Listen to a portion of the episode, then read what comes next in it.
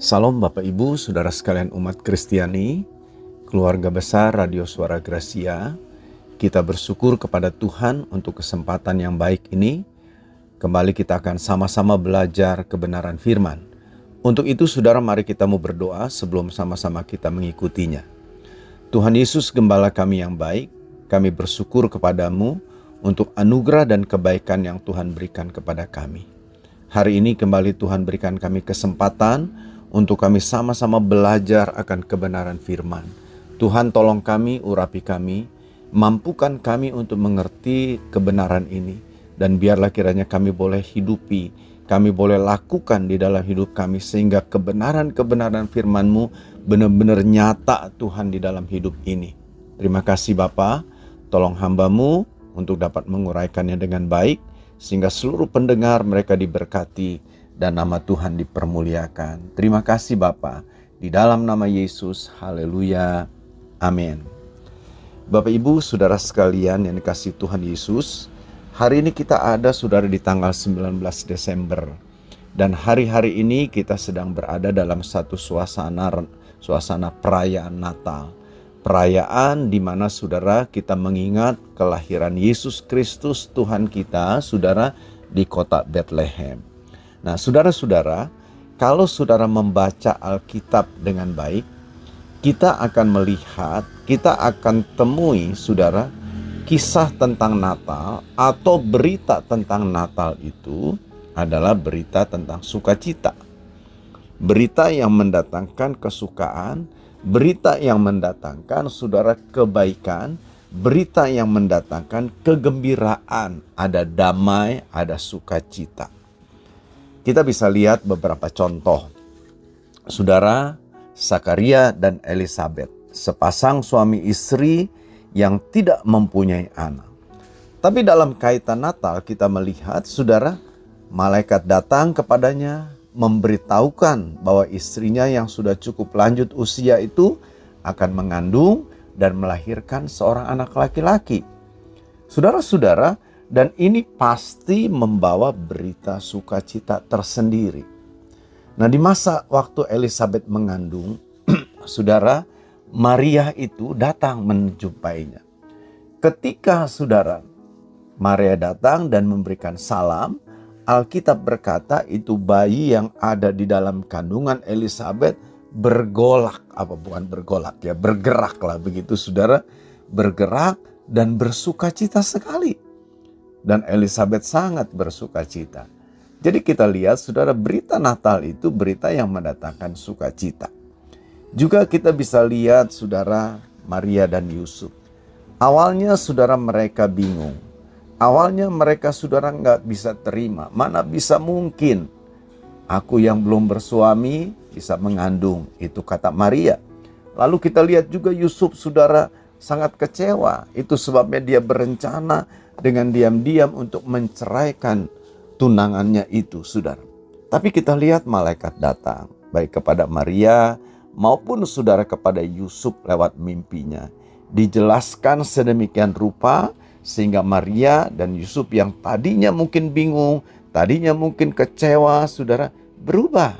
Mereka terima itu dengan sukacita, mereka terima saudara keadaan itu dengan penuh damai.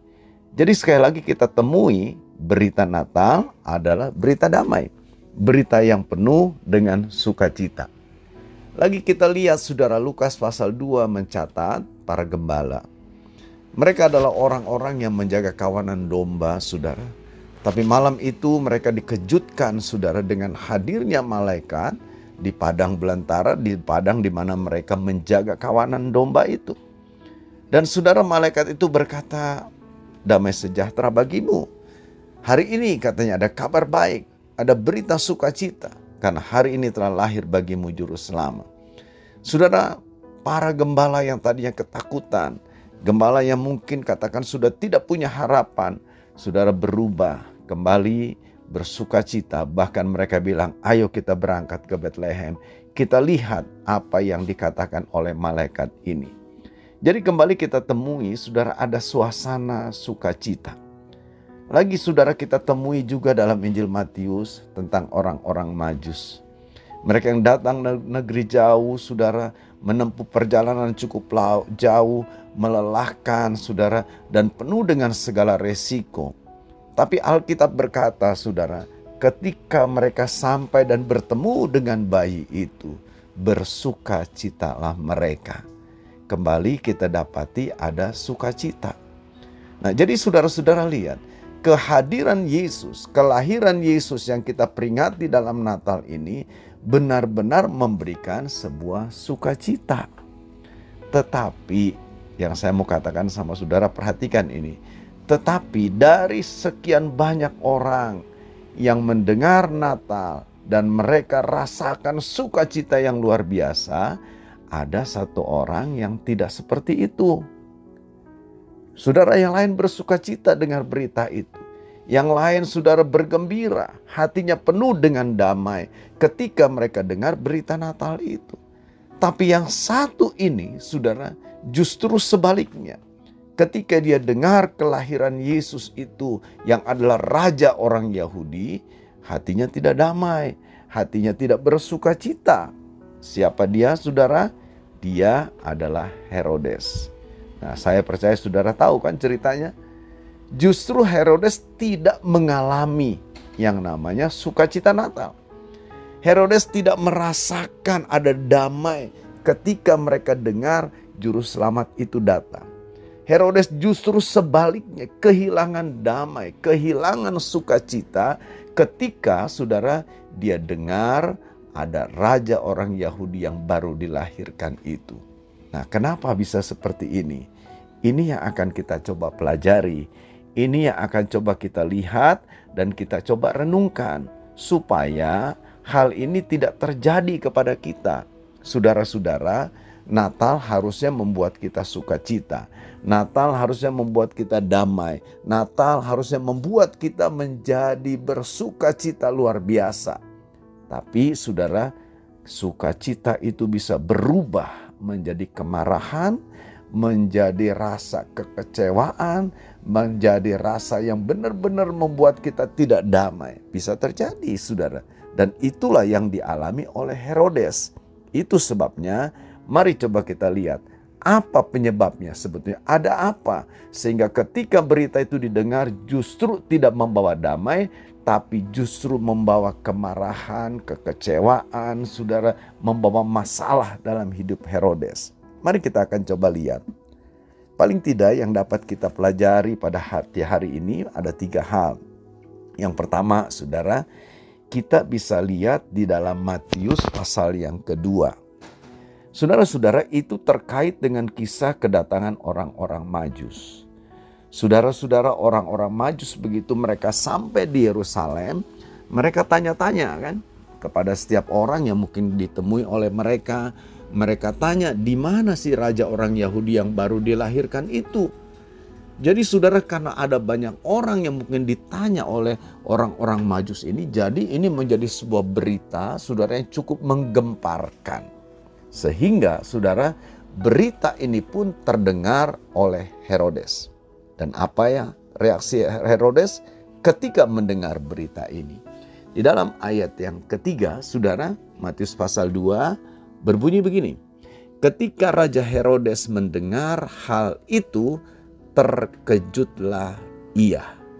Nah, saudara-saudara, jadi waktu Herodes dengar berita itu dari orang Majus bahwa hari ini mereka datang untuk mencari bayi raja orang Yahudi yang baru dilahirkan itu. Ketika berita itu sampai di telinganya Herodes, Alkitab bilang Herodes terkejut. Saudara-saudara, saudara tahu ya terkejut? Ya, saudara kaget gitu. Nah, kenapa kaget? Saudara, apakah memang ini kaget biasa? Ya. Coba saudara bandingkan supaya lebih jelas. Mungkin saya akan coba membandingkannya, ya. Saudara coba dengar baik-baik nih. Jadi umpama saudara punya teman, lalu saudara hari ini saudara bertemu dengan teman itu ngobrol, mungkin makan sama-sama, tidak ada masalah apa-apa. Tapi setelah pulang, tiba-tiba katakanlah satu jam kemudian, saudara ditelepon. Dan ternyata teman itu dikatakan sudah meninggal dunia. Saudara-saudara, tentu kita mendengar berita itu sangat kaget. Pasti kita terkejut. Lah, baru tadi kok ngobrol sama saya, baru tadi pergi sama saya, baru tadi makan bareng sama saya. Nah, saudara-saudara, kita terkejut tentu dengan berita itu.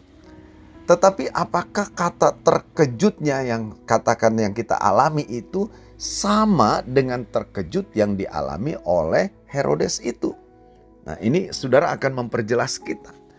Kalau kita coba baca, kalau kita coba perhatikan beberapa terjemahan Alkitab, saudara, kita akan dapati ternyata terkejutnya Herodes itu tidak seperti terkejutnya kita ketika kita dengar teman kita yang meninggal dunia itu. Tidak, saudara. Saya akan coba ajak saudara lihat ya beberapa terjemahan. Di dalam terjemahan firman Allah yang hidup dikatakan bukan terkejut tapi gelisah. Nah, lalu saudara-saudara di ter, dalam terjemahan yang lain dikatakan resah. Juga dikatakan saudara marah ya dan juga saudara menimbulkan masalah, bermasalah. Jadi ketika dengar berita itu justru timbul masalah di dalam hati daripada Herodes itu.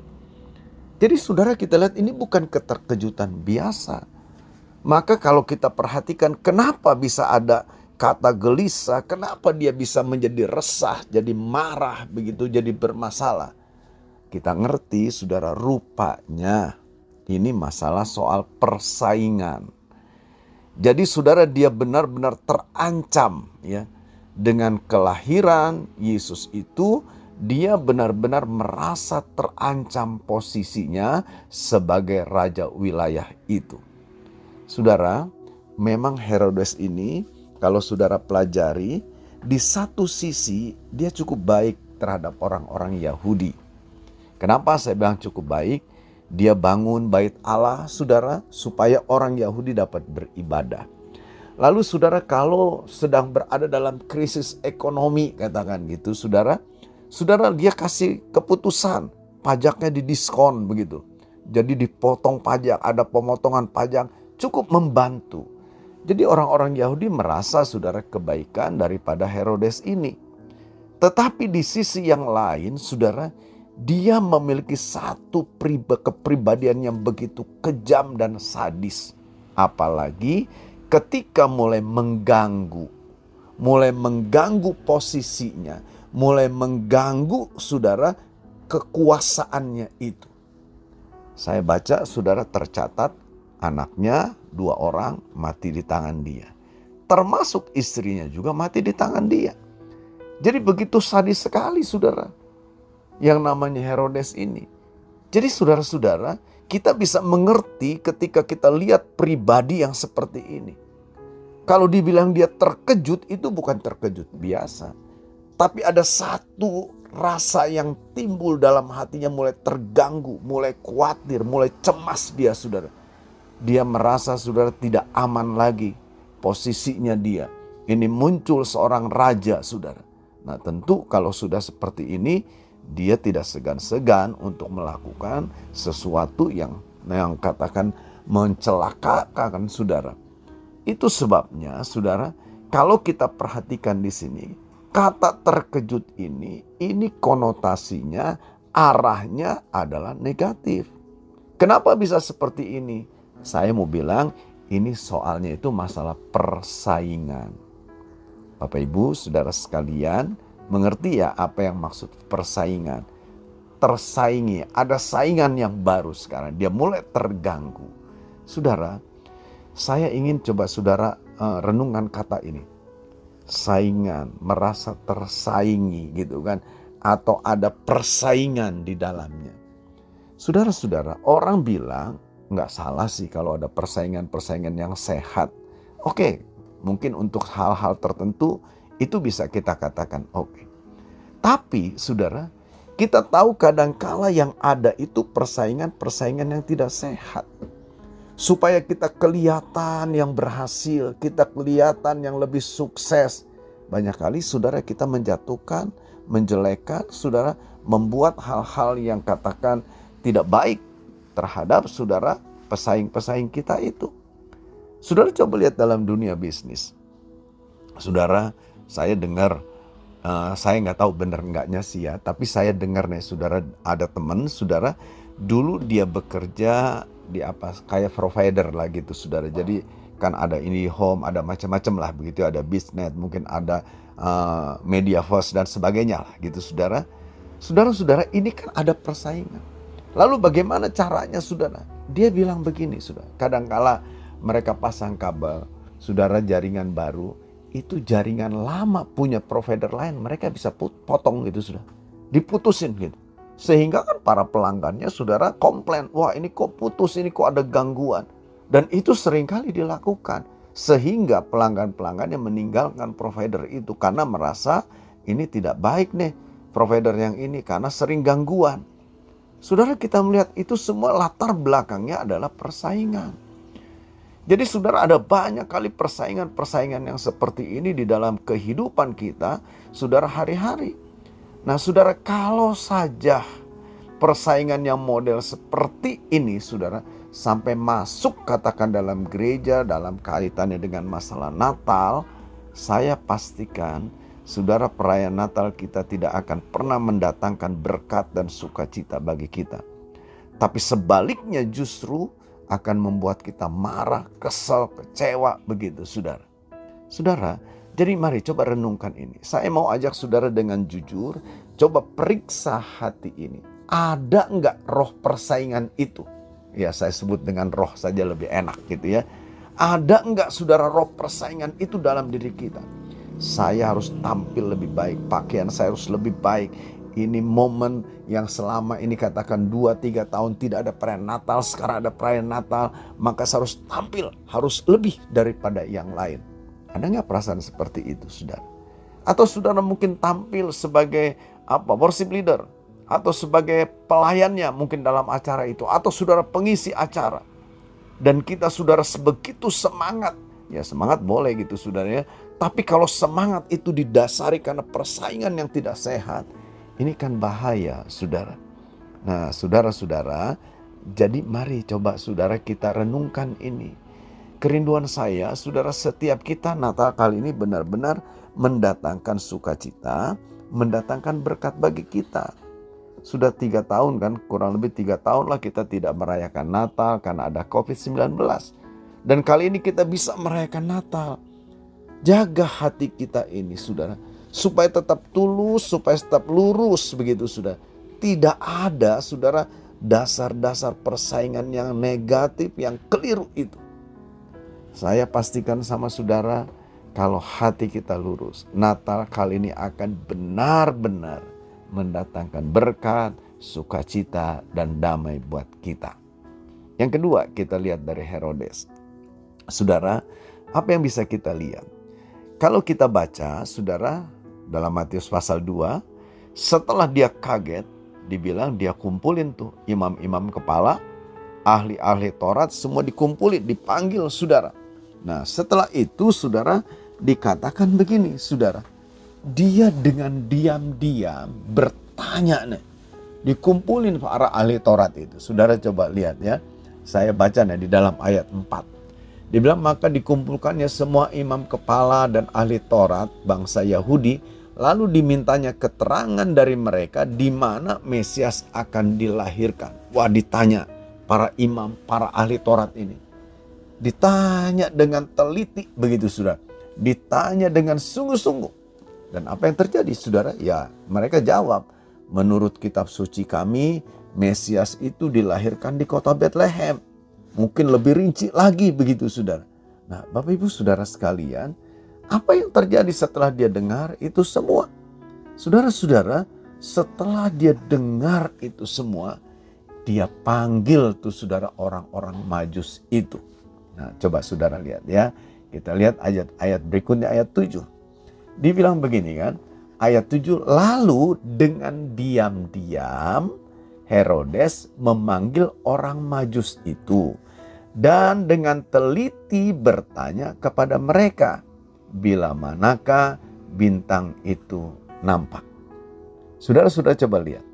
Herodes panggil orang Majus ini setelah dia dapat informasi dari ahli Taurat, dari imam-imam, dipanggil orang ini dan ditanya saudara dengan teliti. Ya.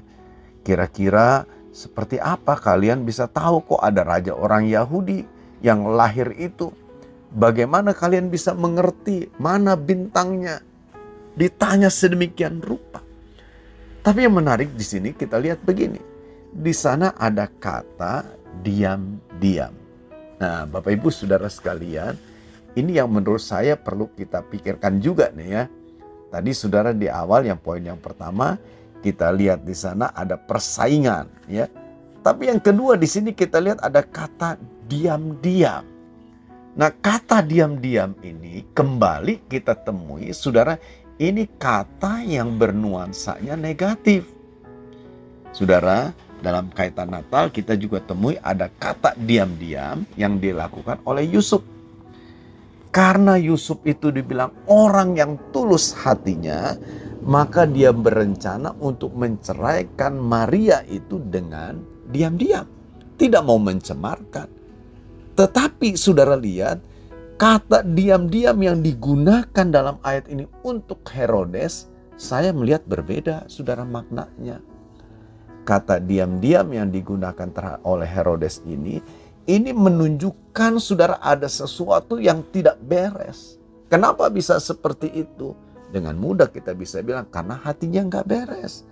Karena hatinya yang tidak beres, hatinya panas itu, saudara hatinya marah, maka kita lihat ada tindakan-tindakan yang keliru.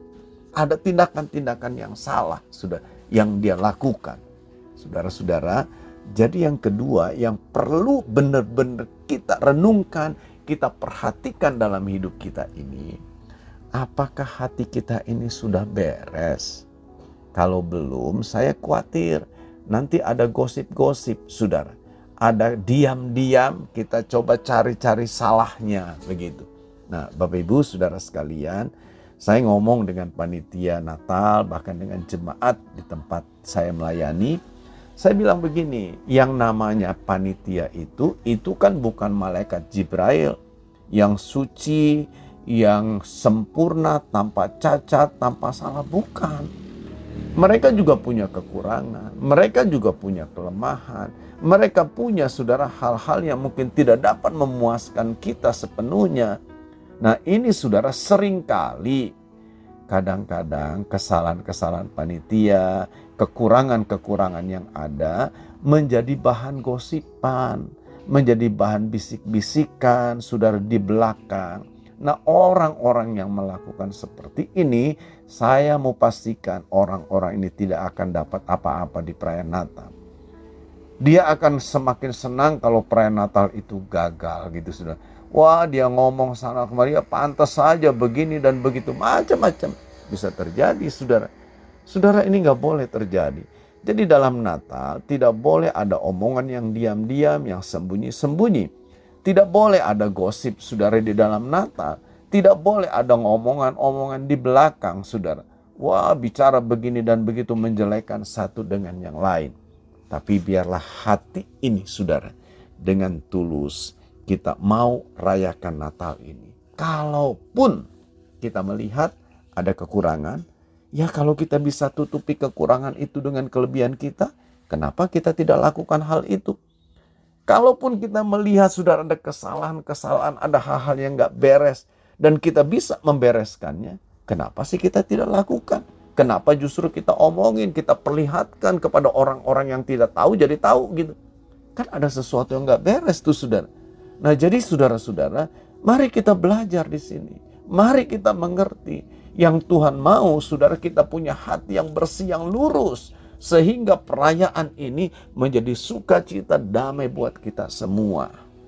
Jadi saudara-saudara, hati-hati dengan roh Herodes ini yang kadangkala saudara membesar-besarkan masalah yang kecil sehingga orang yang tidak tahu jadi tahu dengan maksud untuk menjatuhkan, mengacaukan saudara. Ya. Oke, lalu yang ketiga kita lihat. Apa yang bisa kita pelajari saudara dari roh Herodes ini? Saudara-saudara, kalau kita perhatikan ayat 8 ya. Matius pasal 2 ayat 8 bilang begini. Kemudian ia menyuruh mereka ke Bethlehem. Maksudnya menyuruh orang majus itu. Katanya, pergi dan selidikilah dengan seksama hal-hal mengenai anak itu. Dan sesudah kamu menemukan dia, kabarkanlah kepadaku supaya aku pun datang menyembah dia. Saudara-saudara, saya baca ayat ini, wah luar biasa si Herodes ini sudah. Dia bilang sama orang-orang majus, oke okay, kalian berangkat ke Bethlehem. Selidiki dengan seksama. Saudara tahu kata seksama ya, teliti gitu. Selidiki dengan teliti di mana adanya, alamat itu di jalan apa, orang tuanya siapa, kira-kira bayi itu modelnya seperti apa gitu sudah apa namanya wajahnya seperti apa. Jadi diminta untuk benar-benar diselidiki dengan teliti.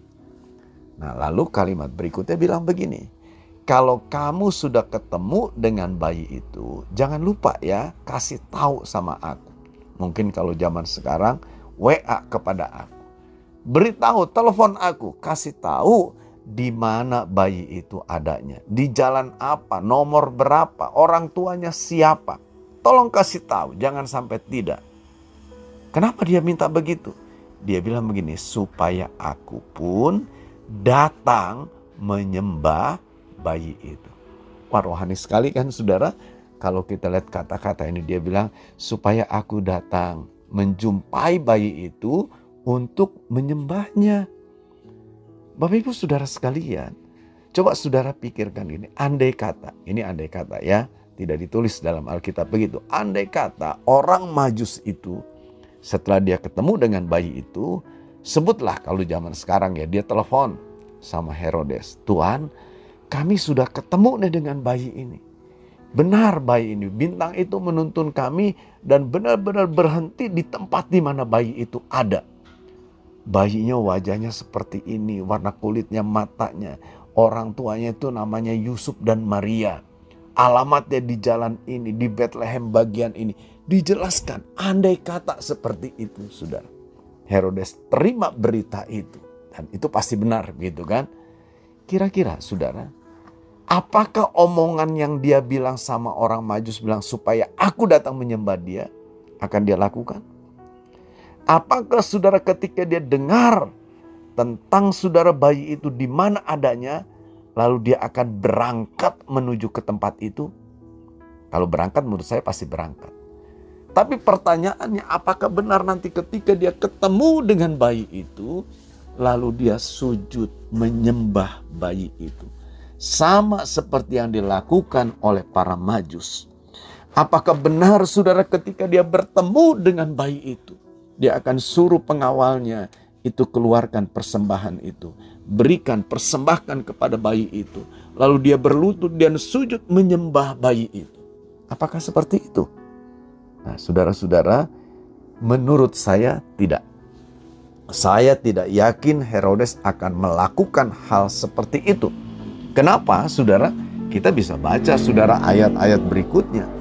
Ayat 13 umpama. Malaikat Tuhan bilang sama Yusuf supaya pergi mengungsi, katakan, ke Mesir tinggal di Mesir itu sampai beberapa waktu. Sampai kapan? Sampai Herodes itu mati. Kenapa? Karena dibilang ayat 13 bagian akhir itu dibilang begini saudara.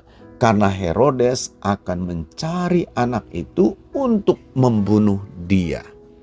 Jadi saudara kelihatan ya, saya yakin kalau orang majus memberitahu Herodes datang bukan untuk menyembah tapi untuk membunuhnya. Kalau begitu, saudara, kita bisa bilang begini. Herodes ini, saudara, perkataannya itu manis.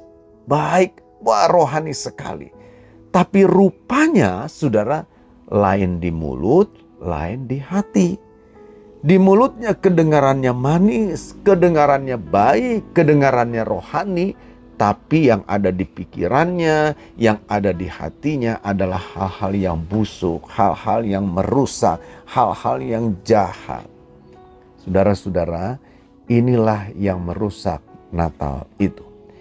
Inilah saudara yang membuat Natal tidak lagi mendatangkan damai. Kenapa? Karena sering kali mulut kita berbeda dengan hati kita. Yang keluar dari mulut ini kedengarannya baik, tapi di hati sebetulnya penuh dengan segala hal-hal yang busuk dan menjijikan. Saudara, sekali lagi saya mau bilang, biarlah Natal ini jangan sampai kita mengalami seperti yang dialami oleh Herodes. Harusnya kita penuh dengan damai, harusnya kita penuh dengan sukacita. Tapi Natal justru sebaliknya menghancurkan, mengecewakan, membuat kita kehilangan damai. Kenapa? Karena sering kali saudara kita ini cuma bisa ngomong. Bahkan omongan-omongan yang baik itu saudara tidak sesuai dengan hati kita. Penuh dengan kepalsuan, penuh dengan kemunafikan, penuh saudara dengan hal-hal yang tidak baik saudara. Coba saya saudara, saya bilang sama jemaat saya begini, kan di tempat saya itu saudara sudah ada perayaan Natal, ya, perayaan Natal anak-anak saudara.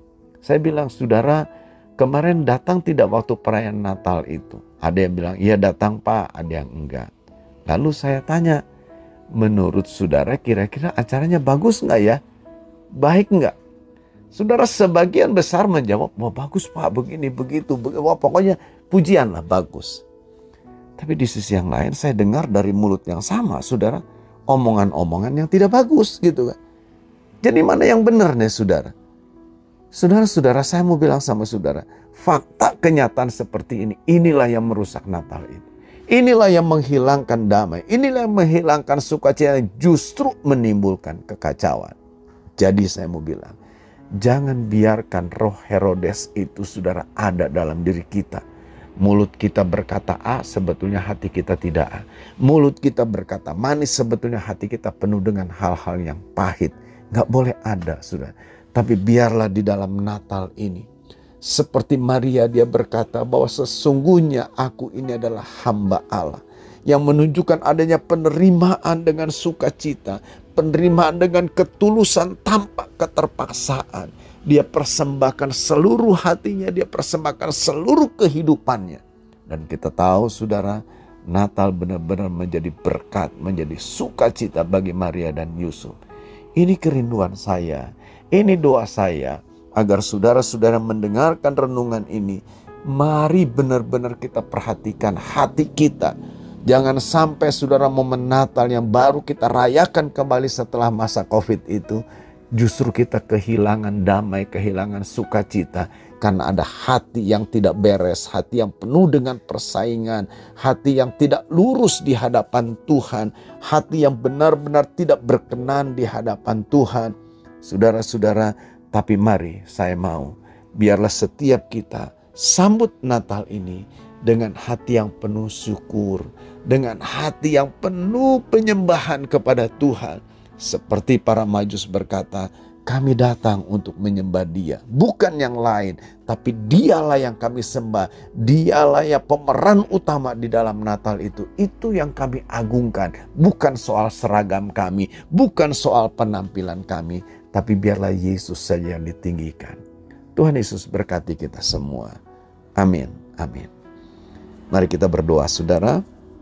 Tuhan Yesus gembala kami yang baik. Terima kasih untuk kebenaran firman-Mu yang sudah mengingatkan kami. Tuhan selidiki hati kami. Tuhan lihat hati kami. Roh Kudus beritahukan, sadarkan setiap kami. Kalau ada roh-roh Herodes yang melekat dalam hati kami, Tuhan bersihkan hati kami. Kami tidak mau kehilangan sukacita Natal. Kami tidak mau kehilangan damai Natal itu. Biarlah darahmu Yesus membasuh, membersihkan kami. Sehingga perayaan Natal ini Tuhan benar-benar kami rasakan damai. Kami rasakan sukacita. Kami rasakan perkara-perkara yang luar biasa. Berkat-berkat yang besar terjadi dalam setiap kami. Terima kasih Bapak. Hamba berdoa menyerahkan setiap pendengar, jamah mereka, baharui sucikan hati mereka. Biarlah Natal kali ini benar-benar menjadi satu pengalaman rohani yang indah dalam setiap kehidupan umatmu ya Tuhan. Terima kasih Bapak, terima kasih. Kalau ada di antara pendengar yang sakit, dalam nama Yesus engkau disembuhkan yang lemah dalam nama Yesus engkau dikuatkan. Engkau yang kehilangan pengharapan dalam nama Yesus muncul pengharapan yang baru yang memberikan kekuatan, memberikan keteguhan bagimu. Terima kasih Bapa. Setiap umatmu yang mungkin ada dalam persoalan, pergumulan-pergumulan kehidupan, entahkah itu rumah tangga, bisnis, pekerjaan, studi, apa pun juga. Biarlah tangan kasihmu yang penuh dengan kuasa itu Tuhan, menolong membuka jalan, memberikan ke jalan keluar dan kemenangan bagi umatmu. Terima kasih Bapak, kesempatan saat ini kami juga berdoa untuk seluruh umatmu, gereja-gerejamu, hamba-hambamu yang akan merayakan Natal, Tuhan, tuluskan hati mereka. Tuhan, luruskan hati mereka. Biarlah benar-benar damai dan sukacita Natal mereka alami. Mereka terjaga, terlindungi, dan berkat-berkat Allah dicurahkan di dalam setiap perayaan Natal yang dilakukan oleh umatmu Tuhan. Dan biarlah dunia boleh melihat ada Yesus Juru Selamat yang lahir. Ada Yesus Juru Selamat yang hadir bagi kami semua untuk menyelamatkan kami. Terima kasih Bapak. Kami berdoa juga Tuhan untuk petugas-petugas keamanan, kepolisian, TNI, Satpol PP, bahkan setiap ormas-ormas yang membantu menjaga. Biarlah Tuhan berikan kesehatian, berikan hikmat untuk dapat melakukan tugas mereka dengan baik. Berikan kekuatan dan kesehatan bagi mereka. Terima kasih Bapak. Kami bersyukur buat anugerah dan kebaikanmu. Inilah doa kami Inilah syukur kami di dalam nama Tuhan Yesus Kristus. Haleluya, haleluya. Amin, amin. Selamat hari Natal. Tuhan Yesus berkati kita semua. Amin.